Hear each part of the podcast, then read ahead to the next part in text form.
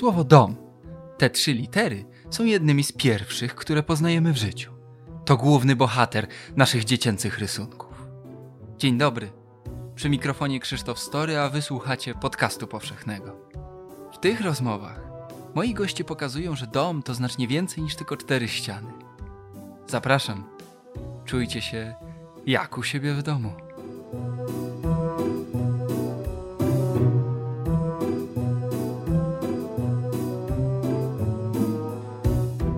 Podcaście nie było jeszcze rozmowy opartej o książkę, więc dzisiaj będzie. Bo jest taka książka, z której dom wychodzi na każdej stronie. Jest w każdym słowie, zdjęciu, wspomnieniu, w każdej emocji. Mówię to trzymając w ręku żółtą okładkę z napisem Wędrowny zakład fotograficzny. A moją gościnią jest oczywiście autorka tejże, Agnieszka Pajączkowska, kulturoznawczyni, twórczyni projektów fotograficznych. Bywa reporterką, bywa badaczką, fotografką, animatorką kultury. Przez cztery lata bywała jednoosobowym, wędrownym zakładem fotograficznym. Dzień dobry, Agnieszko. Dzień dobry. Napisałaś e, o sobie kiedyś takie zdanie, które mi się bardzo spodobało i zamierzam je tutaj powtórzyć.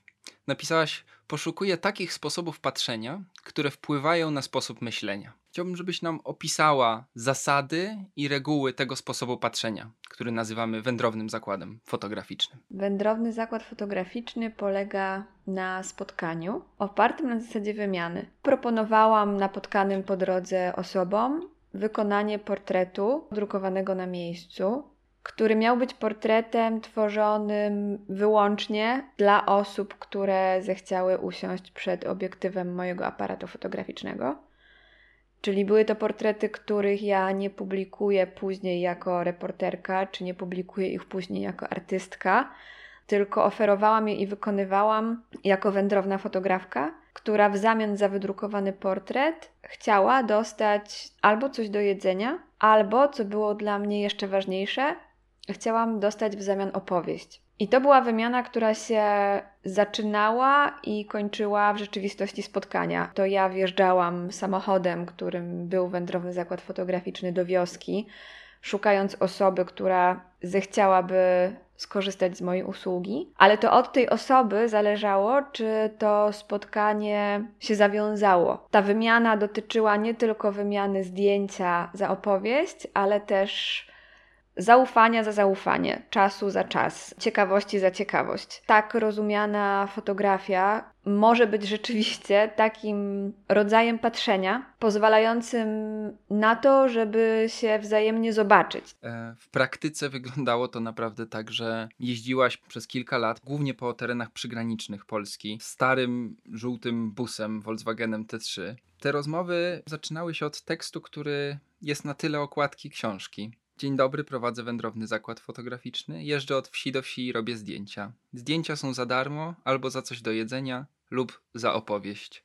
Cały ten anturaż wędrownego zakładu fotograficznego, ten bus, y, ta drukarka do zdjęć, twoje umiejętności fotograficzne były doskonałym pretekstem do tego, żeby się spotykać z ludźmi, ale y, wydaje mi się, że stworzenie zaufania tutaj wymagało czegoś więcej. Jak prowadziłaś te rozmowy? Czy w ogóle je jakoś świadomie prowadziłaś, czy zostawiałaś y, wolność swoim bohaterom? E, nie miałam scenariusza rozmowy, który realizowałabym z poszczególnymi osobami spotykanymi po drodze, tak samo jak nie miałam z góry określonej trasy, nie miałam z góry założonych efektów, nie zakładałam, ile zrobię zdjęć, ile pokonam kilometrów, nie zakładałam też, że napiszę książkę. Te rozmowy wynikały z energii spotkania, którą wnoszą dwie osoby. Niektóre z tych e, rozmów rozkręcały się bardzo szybko, niektóre potrzebowały czasu, niektóre szły bardzo w głąb, niektóre ślizgały się po powierzchni, niektóre polegały czasami na milczeniu i na tym, żeby spędzić razem czas i poczekać na dobry moment, kiedy ktoś będzie chciał coś powiedzieć. E, na pewno one wszystkie mm, były możliwe też dzięki niespiesznemu działaniu. E, ja faktycznie spędziłam pięć letnich sezonów podróżując od wioski do wioski wzdłuż e, wschodniej i północnej granicy Polski. Potem pojechałam też na Dolny Śląsk. Jakby moim celem było prowadzenie wędrownego zakładu fotograficznego bez mm, takiego założenia, na przykład, że ma to być projekt o wschodniej granicy, albo że ma to być projekt o współczesnej wsi, albo że ma to być projekt o wspomnieniach powojennych e, starszych osób. A też dodam, że to nie są osoby właśnie, których ja poszukiwałam według jakiegoś określonego klucza, tylko są to osoby, które spotkałam na drodze, które zobaczyłam przez szybę samochodu, bo akurat podniosły głowę schylone w ogrodzie pracując, albo szły drogą, albo siedziały na ławce. Ten projekt dział się w rzeczywistości wiosek, które doświadczają takiego zjawiska wyludniania. To są bardzo często, chociaż nie wszystkie, ale w większości, są to wioski, w których e, mieszkają głównie osoby samotne, głównie osoby starsze, mm, pamiętające często czasy, kiedy we wsi było na przykład 70 gospodarstw pełnych e, wielopokoleniowych rodzin, a w tej chwili mieszka kilkanaście osób. I dlatego o tym mówię, bo to też powodowało, że sytuacja, gdy w takiej wsi pojawia się ktoś, kto nie jest rozpoznawalny, kto nie jest znajomy, kto jest jakiegoś rodzaju, może nie atrakcją, ale po prostu ciekawą sytuacją, to było to odbierane jako okazja do rozmowy. Ja zawsze o tym mówiłem, e, o tym zjawisku, jako o tym, że jesteśmy tak społecznie e, i ogólnie niedosłuchani. Coraz bardziej z, tej opowieści Twojej wynika, że taką prawdziwą walutą e, wędrownego zakładu fotograficznego nawet nie do końca były te zdjęcia, tylko był poświęcony czas i, i gotowość do wysłuchania. Tych spotkań są setki, i to każde z nich. E, jest czymś, co można by nazwać mikrohistorią. Jest jedna piękna i bardzo poetycka definicja mikrohistorii, stworzona przez amerykańskiego historyka Charlesa Joynera, który powiedział, że mikrohistoria to jest zadawanie dużych pytań w małych miejscach. Ale na możliwość zadawania dużych pytań y, trzeba sobie oczywiście zasłużyć. Jak budowałaś zaufanie między tobą a tą przypadkowo spotkaną osobą? Na pewno ważne było to, żeby nie tylko pytać, ale też pozostać otwartą na to, że i ja będę pytana. E, że to nie jest sytuacja, w której e, ja przyjmowałam rolę badaczki, właśnie, która jeździ z kwestionariuszem i osoba wie, że o to zostanie odpytana, że to będzie rodzaj wywiadu etnograficznego na przykład. Tak nie było. Ja również byłam odpytywana i uważam, że to ważne żeby też się na to zgodzić. To, z czym ja jechałam, to kim ja byłam wówczas, kim jestem teraz, to także dziwiło, budziło ciekawość i domagało się wyjaśnienia. Mam przygotowany fragment na tę okazję.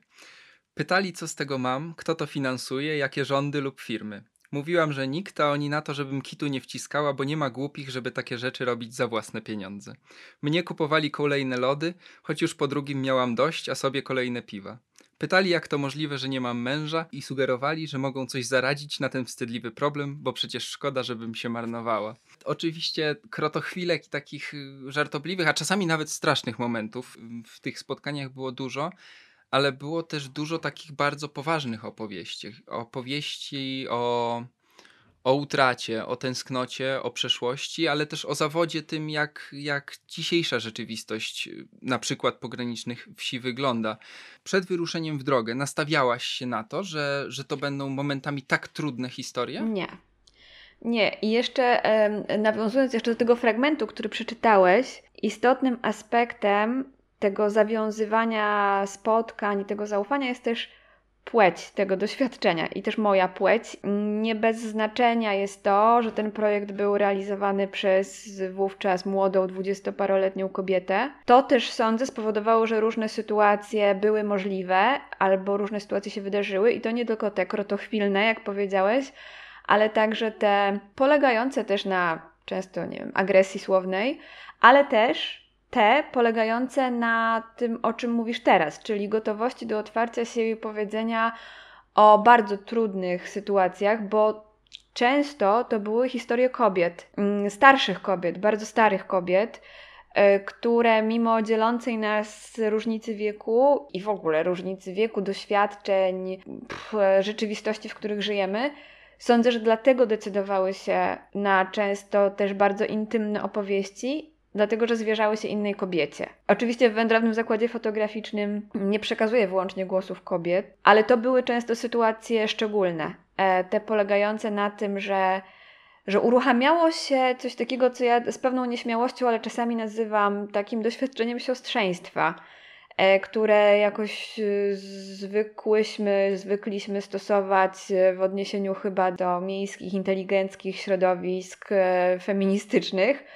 A ja mówię o doświadczeniu siostrzeństwa, które wyczuwałam, kiedy siadałam obok pani Oleny lat 87 i która opowiadała mi o swoim życiu, przez które przejechała walcem historia, ale opowiadała o tym nie z perspektywy właśnie wydarzeń i faktów historycznych, a jeżeli już to były one mm, marginalne w tej opowieści, o wiele ważniejsze były wątki związane z jej życiem rodzinnym, osobistym, e, z życiem codziennym, z emocjami, które temu towarzyszyły. To jest ta różnica też między pamięcią a historią.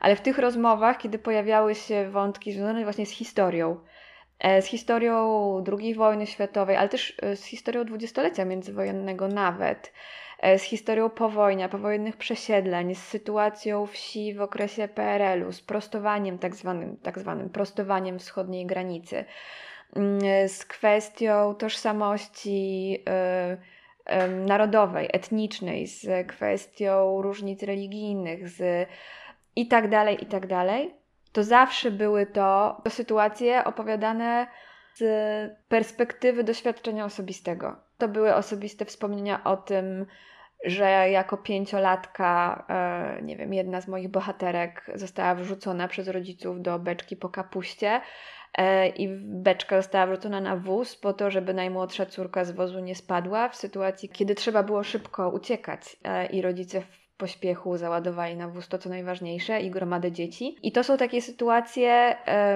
które w tej kobiecie żyjącej dzisiaj, współcześnie w Polsce, są żywe i to są często osoby, które zdają sobie sprawę, jakie wydarzenia polityczne były związane z tym, że one, e, doświad oni doświadczyli e, tego rodzaju e, wydarzeń w swoim życiu, zupełnie prywatnym i małym. I tak jak wspomniałeś, na pewno jest też tak, że część tych osób a nawet dzieci tych osób czy wnuków tych osób przekłada ciężar tych dawnych historii na to, co myślą o współczesnym życiu, o współczesnej sytuacji w Polsce.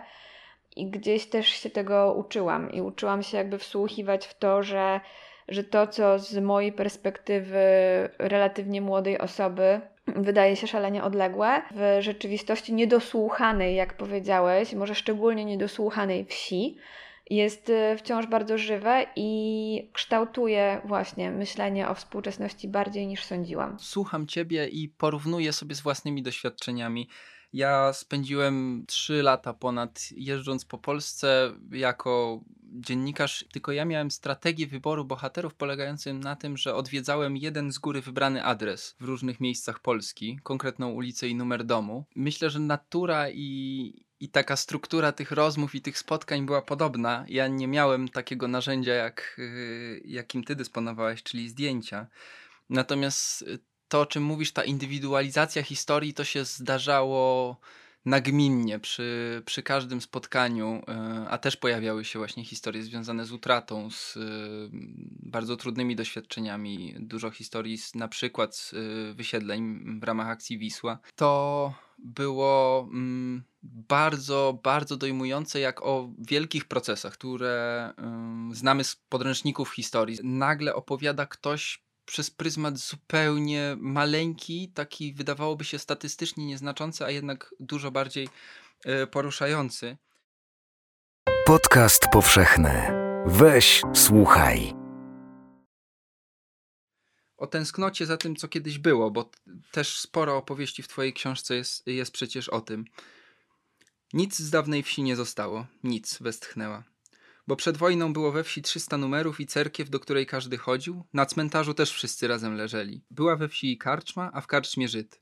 W dzieciństwie, kiedy miała smak na cukierka albo wodę z sokiem z syfonu, to podbierała kurom jajko i nosiła do Żyda, a on wymieniał je na łakocie bo to dobry człowiek był, powiedziała. Jest dużo takiej tęsknoty, która się dzisiaj przekłada, mam wrażenie, na teraźniejszość. Za czym dzisiaj tęskni polska wieś? Za czym tęskni polska wieś, to ja nie wiem. wiem i pamiętam, za czym tęskni wiele osób, które poznałam w trakcie, w trakcie tego projektu. To jest tęsknota za wspólnotą i za społecznością. Za tym, że wieś była pełna ludzi. Za tym, że było 300 numerów. Tak, weźmy poprawkę na to, że to wspomnienie, które teraz przytocz- przytoczyłeś, jest wspomnieniem starszej mocno osoby, która ma prawo, tak sądzę, do tego, żeby sentymentalizować i idealizować swoje wspomnienie wsi z dzieciństwa. Tym się charakteryzują wspomnienia z dzieciństwa, szczególnie pewnie takie, które mają już. Yy, 85 albo i więcej lat. Czasami chciałabym za tym pójść, to znaczy, że kuszące jest pomyślenie sobie, aha, no to tak to było, tak? Tak, tak rzeczywiście było, że tak wszyscy razem żyli w zgodzie e, i ten Żyd miał tę karczmę i tak się wszyscy lubili i leżeli na jednym cmentarzu. Ja tę historię podaję, jakby. Ona została opowiedziana. Została opowiedziana. Natomiast też ta książka jest tak skonstruowana, że są w niej opowieści, które przeczą temu, e, akurat w tym wypadku, takiemu idealistycznemu obrazowi. W ogóle ta książka jest też w dużej mierze pozbawiona jakby moich interpretacji. Nie było moją intencją też, żeby podtrzymywać coś, co mam wrażenie jest powszechne w myśleniu o przeszłości polskiej wsi, czyli właśnie taki idylliczno-arkadyjsko-sielski obraz. Natomiast ciekawe dla mnie było, że wielu z moich rozmówców i rozmówczyń, którzy pamiętają dawną wieś, za takim obrazem tęskni. I to nie jest właśnie ten narzucony miejski obraz wsi, tylko to jest taka fantazja czy marzenie czy być może częściowo również wspomnienie e, samych osób, które, które na wsi mieszkają i sądzę, że wtedy jest ono jakoś ciekawe. Ale poza tą tęsknotą za tymi 300 numerami i za tym, że we wsi było dużo młodzieży, że było dużo dzieci, że tak, to jeszcze to jest też tęsknota za takim paradoksalnie z mojej może perspektywy za pracą, za tym, że to była rzeczywistość, w której tej pracy było strasznie dużo i ona była o wiele cięższa niż e, współcześnie. Mam na myśli, że była wykonywana pracą własnych rąk i, i, i, i fizycznie. Natomiast ona się też wiązała z tą wspólnotowością, to znaczy to jest praca, którą wykonywano wspólnie. I w tej chwili ten model y, życia na wsi, który się opierał o małe gospodarstwa przydomowe, E, o to, że rodzina z kilkorgiem dzieci mająca 4-5 hektarów jest w stanie się utrzymać, że mm, ludzie pomagali sobie nawzajem przy żniwach, młódce, e, przy kopaniu ziemniaków, że odrabiali sobie nawzajem pracę. Powraca taka prognoza, intuicja czy po prostu stwierdzenie, no, że to się już skończyło. To znaczy, że taka wieś się kończy. Kończy się wieś, w której e, ta praca działa się przy domu. W tej chwili starsze osoby widzą, że młodzi wyjechali, nawet nie wyjeżdżają, tylko już wyjechali. Mówię oczywiście o tych terenach e, przygranicznych, też nie wszędzie, ale w, w niektórych e, rejonach jest to bardzo mocno widoczne. Na ich miejsce przyjeżdżają miastowi, którzy wykupują remontują domy po dziadkach, rodzicach, zamieniają je w dacze. I siedzenie na ławce w takiej wsi, w której widać te z jednej strony rozpadające się opuszczone domy, z drugiej strony te, te odnowione, które służą e, do organizacji weekendowego grilla, jest trudne dla osoby, która pamięta e, ten, ten czas wrzawy e, i ten czas taki tętniący życiem. Jednocześnie też trzeba wziąć pod uwagę, oczywiście był to też czas biedy, był to też czas niedoboru, był to też czas braku właśnie technologii, braku braku, e, nie wiem, dostępu do, do opieki zdrowotnej, tak? Jakby moglibyśmy mnożyć takie, takie diagnozy o charakterze historyczno-społecznym. Natomiast ważne jest to, że dla tych osób to jest czas ich młodości albo ich wczesnej dorosłości. Na szczególnie wspomnienia kobiet nakłada się czas, kiedy miały wszystkie dzieci przy sobie. E, I mam poczucie, że w tych wspomnieniach zaciera się ten trud wstawania o trzeciej nad ranem, e, żeby, żeby wyprać, ugotować, wyprowadzić, obrządzić e, i tak dalej. Tylko zostaje takie wspomnienie, że właśnie wtedy na wszystko był ten czas. Cały czas czegoś brakowało, no ale właśnie byli ci ludzie, była ta wspólnota i to jest coś, co mam poczucie właśnie nakładać takim idealizującym filtrem na te wspomnienia dotyczące przeszłości. Na przyszłość zwykle patrzymy przez troszkę bardziej różowe okulary, zwłaszcza jeśli e, w teraźniejszości wielu ludzi jakby straciło poczucie właśnie takiej wspólnoty, takiej samowystarczalności. Jeden z twoich bohaterów, e, bodajże pan Krzyś, wraca ze skupu zboża i mówi do ciebie, że cena skupu nie pokryła kosztów produkcji i pyta się pani Agnieszko, jak to się stało. W twojej opowieści odbija się wiele takich bardzo prozaicznych problemów. Mam fragment na jeden z najbardziej prozaicznych problemów wsi, czy w ogóle mniejszych ośrodków y, miejskich nawet w Polsce. Nazywa się przystanek. U nas PKS-u nie ma, autobus jeździ tylko szkolny. Do wakacji przyjeżdżał po jedną dziewczynkę, ale skończyła ostatnią klasę i po wakacjach autobus zabiorą. Nie będzie już żadnego dojazdu do gminy, do sklepu, do lekarza, w ogóle nigdzie. Dlatego u nas sołtysem zostaje ten, kto ma samochód, żeby jak będzie bieda, mógł chociaż zawieźć do szpitala. Ja tego tematu dotknęłam, prowadząc wędrowny zakład fotograficzny, ale to jest temat, któremu osobną, mm, osobny reportaż y, poświęciła Olga Gitkiewicz w książce Nie, Nie zdążę. zdążę. W ogóle kwestia wykluczenia komunikacyjnego i to, jakie ono ma konsekwencje, również ze względu na płeć e, i jak bardzo reprodukuje różne mechanizmy zależności i jest niesłychane. E, I mam poczucie, że jak na skalę tego zjawiska bardzo mało o tym rozmawiamy lub nie wiem, mało jesteśmy tego świadomi, może jako mm, właśnie jako ta uprzywilejowana grupa wielkomiejska. Natomiast w trakcie wędrownego zakładu fotograficznego powiem, że ja też e, no paradoksalnie, znaczy nie, trzeba się, po prostu chcę się do tego przyznać, ja też na tym w pewnym sensie zyskałam, dlatego że wjeżdżałam do wiosek dużym samochodem, busem, wyglądającym jak dostawczy samochód. Oczywiście ten samochód nie był rozpoznawalny przez mieszkańców, był nowym samochodem. Natomiast sama konwencja sytuacji, że do wsi wjeżdża jakiś samochód, który coś wiezie, jest w tych wsiach bardzo żywa, dlatego że wszystkie usługi, e, które do tych wsi w ogóle docierają, dzieją się w formule obwoźnej. E, sklepy są obwoźne, piekarnie są obwoźne, skupy złomu, grzybów, runa leśnego są obwoźne. Jeżeli przyjeżdża, nie wiem, opieka społeczna, jeżeli przyjeżdża no, listonosz, kurier, to wiadomo, ale jakby wszystko, co dociera do, e, do mieszkańców i mieszkanek tych wsi, dociera do nich przejazdem i właśnie w tej formule e, samochodowej bo to nie działa w drugą stronę. To znaczy, wydostać się z tej wsi można wtedy, kiedy sąsiad podwiezie samochodem, albo kiedy przyjedzie córka, syn z miasta i zawiezie do lekarza, albo właśnie kiedy mówimy o wsi, w której jeszcze są jakieś dzieci, no to wtedy ten autobus szkolny, co oczywiście jest niezgodne z regulaminami, ale praktykowane, czy było, nie wiem jak jest teraz. I to jest sytuacja, którą mam wrażenie trudno sobie wyobrazić, tak? Jakby będąc osobą, która nie ma samochodu, nie ma prawa jazdy, yy, mieszka we wsi, w której nie ma sklepu, no to jest sytuacja, w której posiadanie przydomowego ogrodu, na przykład warzywnego, to już nie jest kwestia hobby, tylko to jest często kwestia konieczności.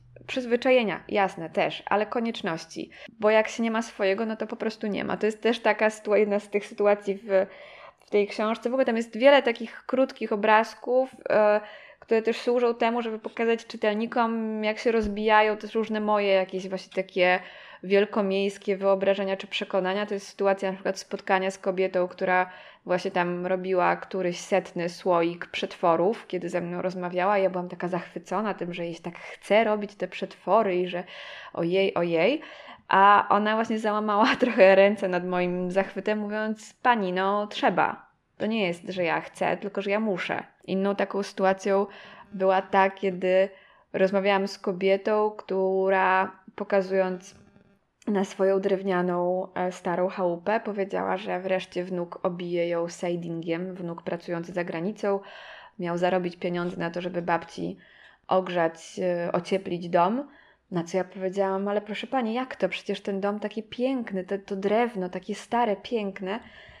Ona znowu załamała ręce, mówiąc, że no proszę pani, ale ja chcę, żeby mi po nogach nie wiało i nie chce mi się drewna nosić, chodząc po oblodzonej ścieżce zimą. Więc to są takie sytuacje właśnie, które na których ja się też łapałam i które raportuję w tej książce, które pokazują takie momenty rozbijania się wyobrażeń. Ja w, y, w swoim projekcie, który no cały czas w głowie y, jakoś porównuję i zestawiam z, z Twoim doświadczeniem, miałem bardzo jasną, z góry określoną i niepodważalną strategię wyboru bohaterów. To znaczy, po prostu jeden adres, musiałem go znaleźć, zapukać do drzwi. W tym momencie traciłem kontrolę nad tym, co się dalej dzieje. Ty miałaś pewne ryzyko, mam wrażenie, przed sobą z tą taką dowolnością. Bałaś się tego? Miałaś jakiś swój pomysł na, na to, do kogo się odezwać, kogo, komu zaproponować zdjęcie? Tak. I ten obraz, ja bym nie powiedziała, że jest zafałszowany, ale jest mocno wykadrowany e, zasadami działania wędrownego zakładu fotograficznego, bo ja mając ten pomysł, że chcę robić portrety fotograficzne i drukować je na miejscu, aby je wymieniać. Miałam też chęć, aby z tą, z, tym, z tą ofertą trafić do osób, które rzeczywiście mogą potrzebować zdjęcia, które zgodzą się na tę moją propozycję, dlatego że rzeczywiście dawno nie miały wykonanego zdjęcia, a go potrzebują. I to jest taki kadr, czy taka rama, która bardzo mocno określa to z kim ja rozmawiałam albo komu te zdjęcia proponowałam, a komu nie. Jeżeli ktoś w 2012, 13, 14 czy 15 roku nie ma dostępu do fotografii, to jest to albo osoba o bardzo niskim statusie materialnym, albo jest to osoba w bardzo zaawansowanym wieku, albo jest to osoba mieszkająca z dala e, od e, nawet mniejszych ośrodków miejskich, gdzie gdzie tak zwany zakład fotograficzny, czy po prostu usługa fotograficzna jest dostępna na miejscu. Ten profil, który ja stworzyłam, prowadząc ten wędrowny zakład fotograficzny w starym Volkswagenie, on siłą rzeczy kierował mnie często do osób y, starszych, najczęściej do osób starszych, albo właśnie do osób w trudnej sytuacji ekonomicznej, po prostu osób biednych lub ubogich. Podcast powszechny. Weź, słuchaj. Dawno nic nie czytaliśmy. Zmieściłam ich w jednym kadrze. Siedzą na tej ławce pod drzewem w niedzielnych ubraniach. Dałam każdemu wydrukowane zdjęcie. O ty patrz, jakie my mordy stary! wykrzyknęła Żenia. Pani, my tu wszyscy całe życie przez płot mieszkamy, to człowiek nawet nie pomyślał, żeby takie fotografie robić. To Pan Bóg chyba panią nasłał, że trafiła się pierwsza taka na stare lata. Zapytałam, czy ma stare zdjęcia. W odpowiedzi zaprosiła mnie na pierogi, które jadłyśmy na werandzie jej letniej kuchni. Sporo w tej y, książce mm, pojawia się i w ogóle w Twoich projektach o roli mm, fotografii w ogóle i o tradycji mm, wędrownych fotografów na wsi. Kiedyś ona była, to była bardzo ważna funkcja, no bo wędrowni fotografowie robili zdjęcia do dokumentów, do paszportów, y, ślubne opisujesz nawet historię, kiedy dzięki jednemu staremu zdjęciu y, rodzina odnalazła się na dworcu po wojnie, bo, bo mieli się jak rozpoznać. E, dzieci rozpoznały swojego ojca. Jaka y, dzisiaj jest rola fotografii dla, dla tych osób, którym robiłaś zdjęcia? Robiłam zdjęcia osobom, które e, tak często mi mówiły, do czego im to zdjęcie jest potrzebne. I niektóre mówiły, że no zostanie tutaj w domu i po śmierci wnuki czy prawnuki je znajdą. E, pojawiały się sytuacje, w których dzieci y, są już od dawna za granicą i to zdjęcie było wykonane po to, żeby im je wysłać. E, były sytuacje, no właśnie, wykonania jakiegoś zdjęcia po raz pierwszy. To jest to, ten fragment, który przeczytałeś, który dotyczy grupy starszych osób. Zresztą ta historia ma też e, swój dalszy ciąg, bo ja do tego miejsca wracam, zdaje się, po dwóch latach. I te, z tych czterech osób, e, które siedziały na tej jednej ławce, już większość nie żyje. Więc było to pierwsze zdjęcie, ale też ostatnie. Były też sytuacje, w których, w których okazywało się, że zdjęcie jest pierwsze, ale nie było to związane z wiekiem zaawansowanym, tylko bardzo młodym. To znaczy, mam na myśli rodzinę, której najmłodsze dziecko miało dwa lata, i przez te dwa ostatnie lata nie było okazji, żeby zrobić jemu zdjęcie, czyli robiłam pierwsze zdjęcie małego dziecka na przykład. Y, to były na pewno szczególne sytuacje. Oczywiście były też sytuacje, w których nie było takiej konieczności, tak? Jakby to nie była potrzeba, ale to była ciekawość ten brak potrzeby był też często motywowany tym, że proszę pani, ja mam zdjęcie. I pytałam, no a z kiedy? No, jak brałam ślub, tak? I się okazywało, że to jest zdjęcie, nie wiem, sprzed 40 lat na przykład. Też to odkryłam, że jakby na wsi zdjęcie jest czymś często pojedynczym, tak? To znaczy, Zdjęcie nie potrzebuję, bo mam i czasami mm, na myśli ta osoba miała na przykład właśnie portret taki ślubny, malowany. Mm, to było bardzo popularne na, we wsiach w latach 40., 50., 60., takie malowane monidło ślubne. Ale czasami te osoby się yy, decydowały na to, żeby wykonać zdjęcia aktualne. Ja czasami zachęcałam, ale też nie na siłę, bo, bo też nie było. nie potrzebowałam zachęt, jakby nie zależało mi, żeby zdjęć wykonać jak najwięcej, ale zależało mi na sytuacji, kiedy ta osoba może się na zdjęciu zobaczyć i, i, i też w ten sposób jakby często zacząć opowiadać. E, I takie sytuacje właśnie oglądania siebie na zdjęciach były też często trudne i nie zawsze nie zawsze tylko, nie wiem, miłe czy wzruszające, ale też właśnie to były takie czasami momenty autorefleksji, zobaczenia, zobaczenia też swojego wieku, zobaczenia swojego wyglądu, zobaczenia mm, i utwierdzenia się w przekonaniu, że się nie chce na to patrzeć, że się nie akceptuje swojej starości na przykład. E, zdarzały się też sytuacje, e, w których mówiono mi, że że to zdjęcie może będzie zdjęciem e, na porcelankę, tak zwaną, czyli na, na płytę nagrobną. Więc były to różne sytuacje.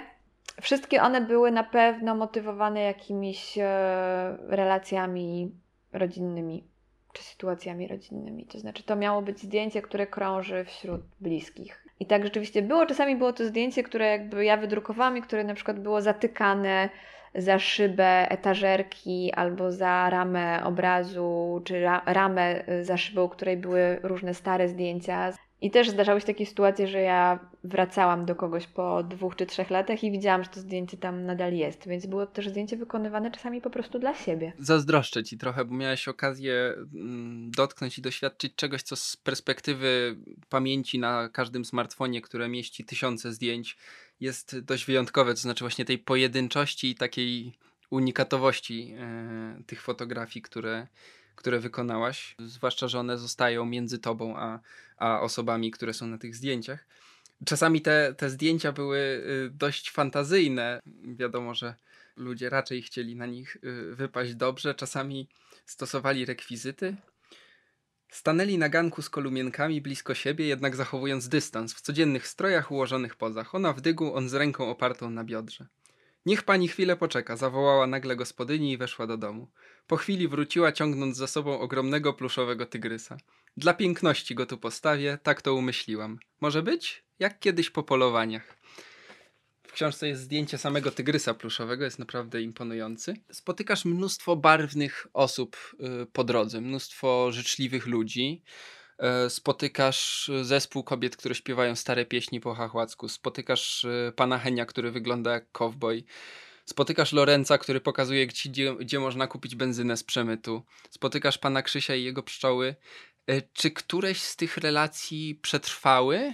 E, do dzisiaj. Wiem, że niektórych odwi- bohaterów odwiedzałaś powtórnie, ale czy z którymiś udało się nawiązać taką dłuższą relację? A jeśli nie, to dlaczego? E, nie. Mm, to znaczy, jeszcze w czasie, kiedy wędrowny trwał, e, jeszcze w czasie, kiedy byłam jakoś zanurzona w ten proces, tak, były takie pojedyncze osoby, e, do których czasami telefonowałam, które kilkakrotnie odwiedzałam nigdy to nie były relacje, które mi się udawało utrzymać poza kontekstem spotkania. W tej konwencji, czy jakby w tej formule, która polegała na prowadzeniu wędrownego zakładu i która wiązała się z tym, że ja jestem w tych miejscach przejazdem, że jestem na chwilę, że tak naprawdę ślizgam się po powierzchni tej rzeczywistości, czasami wpadając w takie e, głębokie dołki, które były dla mnie kopane. Nie czułam się gotowa też na to, żeby, żeby sobie czy innym obiecywać, czy zobowiązywać się do tego, że te relacje tak bardzo tymczasowe, tak bardzo przypadkowe, tak bardzo chwilowe, żeby one trwały.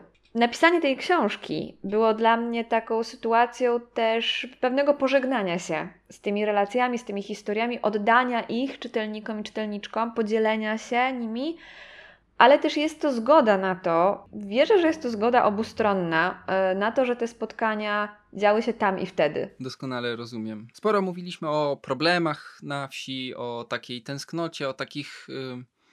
Nie powiedziałbym, że złych, bo nie ma złych, ale trudnych y, emocjach. A taką jedną z dobrych rzeczy wydaje mi się kontakt i bliskość natury i przyrody. Powiedz mi, na ile to ma znaczenie dla, dla osób, które, które spotykałeś, że one wychodzą po prostu, tak prozaicznie mówiąc, wychodzą przed dom i tam nie ma drugiego domu, tylko jest albo las, albo pole, albo coś innego, co żyje, kwitnie i, i, i dorasta. Na pewno dla niektórych to było ważne. To jest taka powtarzająca się też w opowieściach kilku starszych osób opowieść o tym, że dzieci mieszkające już w mieście, martwiąc się o samotnie mieszkającą mamę czy babcię, która zimą musi sobie właśnie napalić w chałupie, latem wypielić ogród i tak dalej, wielokrotnie proponują Mamo, mamo, zamieszkaj z nami w bloku w Białymstoku. I te osoby stawiają opór tak długo, jak tylko są w stanie. E, nie chcą się stamtąd ruszyć. I to nie jest tylko ta, ta taka e, wytarta opowieść o tym, że starych drzew się nie przesadza, tylko to chodzi o to poczucie wolności, niezależności, które daje, ale też zajęcia tego, że jest się potrzebną, że, że jest czym wypełnić dzień, bo, bo koło takiego domu, ogrodu, gospodarstwa, nawet jeżeli jest jedno, ono jednoosobowe, prowadzone przez 80-letnią kobietę, cały czas trzeba wokół tego chodzić. I to wypełnia dzień. To daje ruch fizyczny, to daje bycie na powietrzu i to poczucie, że jest się u siebie. Ja nie jestem pewna, czy to jest tak bardzo mocno. Związane z jakąś, nie wiem, miłością do natury do, czy do przyrody, też bym tego jakoś nie idealizowała. Na pewno w tym sensie ten związek z naturą jest ważny, że, że to była praca. To znaczy, że jakby uprawianie ogrodu, rola, hodowla zwierząt, to była, to była praca i codzienność wypełniająca całe życie. I w sytuacji, kiedy ta osoba ma dostać pokoik e, w bloku, owszem, z kaloryferem, ciepłą wodą, kafelkami w łazience i tak to nieraz słyszałam, że, że, że się dusi, że, że się dusi, że się boi, że nie chce, że ona sobie chce być u siebie i wyjść na tę ławeczkę i popatrzeć na tę drogę, nawet jeżeli nią już nikt nie chodzi. Pytanie o obserwację taką bezpośrednio z wędrownego zakładu fotograficznego taki podział Polski na A i B, mm, niektórzy to A, B, C i D. Ty bardzo dużo czasu spędziłaś na tej tak zwanej Polsce B. Widzisz jakąś różnicę istotną? Widzisz ten podział, na którym powinniśmy się wszyscy skupiać? To, co na pewno widzę, to to, że to jest bardzo wygodny konstrukt. W sensie zbyt wygodny, zbyt upraszczający, zbyt polaryzujący zbyt e, mocno formułowany z perspektywy centrum, w sensie tego podziału na A, B, czy A, B, C i D, czy po prostu na wschód i zachód, że to się dzieje mm, jakby bez e, świadomości, czy bez szacunku do faktu, że ta tak zwana Polska B, czy tak zwana prowincja, czy tak zwana polska wieś jest bardzo różnorodna. Ja wiem, że to jest jakby, to jest niepublicystyczne i tego się nie da, to jest jakieś takie też idealistyczne założenie, ale ja sobie mogłam na to pozwolić i taka perspektywa jest mi bliska, żeby jeżeli chcemy w jakiś sposób odpominać historię wsi, albo przyglądać się temu, jak wieś polska wygląda dzisiaj, albo co ta wieś mówi, e, to żeby skupiać się na pojedynczych historiach pojedynczych osób z konkretnych miejsc, bo to są głosy, które pokazują złożoność, złożoność tej rzeczywistości, złożoność też sposobów myślenia tych osób, które się nie dają zamknąć e, w tym właśnie konstrukcie Polski B, czy ściany wschodniej, czy jakkolwiek to nazwiemy. Przy zbytnim upraszczaniu świata należy pamiętać, że ten kij zawsze ma dwa końce, bo ciebie też przecież witali słowami o warszawianka do nas zajechała, panowie czapki z głów. Zapytam cię jeszcze o następny projekt, bo wiem, że pracujesz nad nowym projektem poświęconym historii fotografii na wsi. Tak, to znaczy w ogóle Wędrowny Zakład Fotograficzny to był taki projekt, z którego wypączkowały i cały czas pączkują różne inne moje działania zawodowe. Od początku tego roku prowadzę taki projekt, który się nazywa Nieprzezroczyste. Fotografie mieszkańców wsi i ich historię. I ja szukam wy, wyjątkowych zdjęć, znaczy pozwalam je sobie wybierać, bo z jednej strony szukam takich zdjęć, które chociaż są prywatne i rodzinne, to układają się w historię obecności fotografii na wsi. To znaczy, trochę szukają odpowiedzi na pytanie, kiedy fotografia na wsi się pojawiła, i to nie w tym sensie, że był to aparat fotograficzny posiadany przez dziedzica czy dziedziczkę. Nie był to aparat fotograficzny posiadany przez e, fotografa w miasteczku. Nie był to aparat fotograficzny badacza, dziennikarza czy etnografa, tylko był to aparat fotograficzny należący do osoby, która mm, e, która była częścią wiejskiej społeczności. I szukam zdjęć, które pokazują ten proces. Pokazują proces, w którym fotografia pojawiła się na wsi i zaczęła na niej być coraz częściej obecna i powszechna. E, szukam wiejskich fotografów i fotografek, ale takich, którzy, które wykonywali zdjęcie właśnie dla siebie, dla siebie, dla sąsiadów, dla krewnych. A na tych zdjęciach się przewijają takie rzeczy, które są trochę od niechcenia sfotografowane, trochę przy okazji, e, ale rozbijają, czy może, może nie rozbijają, ale rozszerzają coś, co nazywane bywa imaginarium, czyli taki zespół wyobrażeń o tym, jak na przykład historia wsi wyglądała, jak wyglądała przeszłość na wsi. Więc z jednej strony właśnie układam z tych zdjęć historię obecności fotografii na wsi, z drugiej próbuję może nie odzyskać, ale uzupełnić y, obraz przeszłości wsi o te obrazy, które pokazują tą codzienną prywatność i oddolność, którą fotografowali sami członkowie i członkinie wiejskiej społeczności. Z historiami można zgłaszać się do ciebie między innymi na Instagramie, który nazywa się tak jak projekt Nieprzezroczyste. To jest jedna z rzeczy, który, którą przyniósł ci zakład. Sama książka zresztą, choćby nominowana do Nagrody Kapuścińskiego, bardzo dobrze przyjęta. To też jest na pewno takie oczko w głowie. Ale na sam koniec, ciekawi mnie, co zmienił w tobie prywatnie yy, zakład fotograficzny jako droga, bo to też jest książka drogi. Czego się nauczyłaś? Co jest taką lekcją, którą może na koniec zechcesz się z nami podzielić? Myślę, że nauczyłam się oduczać różnych rzeczy. Nauczyłam się wiedzieć, że ja nie wiem.